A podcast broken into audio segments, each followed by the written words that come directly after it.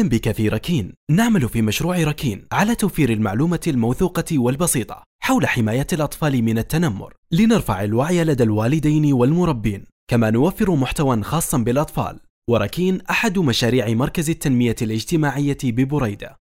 والآن استمع لهذه المقالة.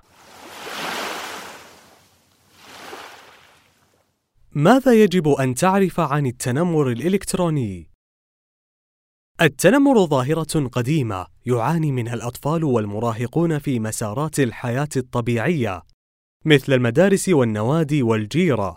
لكن ومع التقدم العلمي وما صاحبه من تواجد الأبناء في مسارات حياة افتراضية، مثل مواقع التواصل الاجتماعي والألعاب الإلكترونية، ومع التوسع في استخدام الجوالات الذكية، ظهر نوع جديد عرف باسم التنمر الإلكتروني.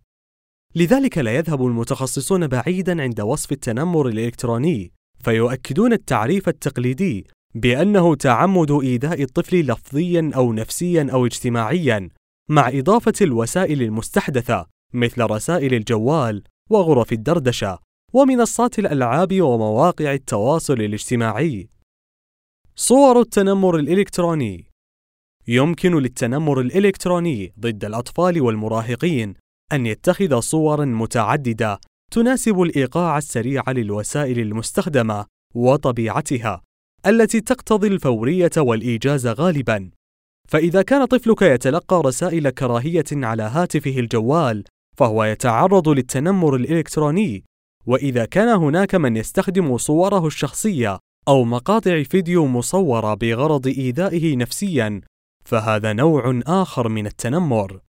كما يمكن للتعليقات السلبية أو الجارحة أو المهينة على منشورات مواقع التواصل الاجتماعي أن تعد من صور التنمر الإلكتروني، وبالمثل الابتزاز أو التهديد بنشر ما يسيء أو يهدد الطفل، سواء المعلومات أو الصور أو المقاطع المتحركة أو المحادثات الخاصة، شكلا للتنمر أيضا.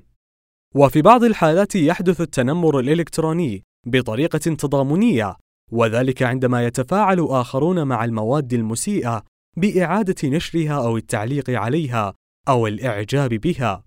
تظل أخطر صور التنمر الإلكتروني هي ما يتعلق بالتحرش الجنسي بالطفل أو المراهق عندما يجبر على مشاركة مواد إباحية له أو للغير، وتهديده إذا توقف عن ذلك بما يرهب الطفل ويجبره على الاستمرار.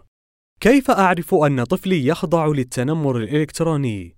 مثل أغلب الأزمات النفسية والاجتماعية، قد يؤدي التنمر الإلكتروني إلى بعض السلوكيات غير الاعتيادية من الطفل أو المراهق، والتي تخالف الروتين المعتاد لتصرفاته.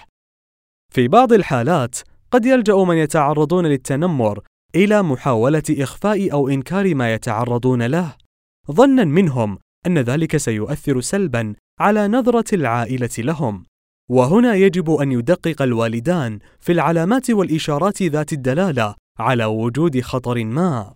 من أهم التصرفات التي تظهر أن هناك خللا خلف شاشة الجوال أو الحاسوب انصراف الطفل عن استعمال هذه الأجهزة وإغلاقها لفترات طويلة حتى في حالة عدم وجود نشاطات بديلة أو ظهور علامات التوتر والقلق عند تلقيه رسالة أو بريدا إلكترونيا أو إشعارا على الهاتف.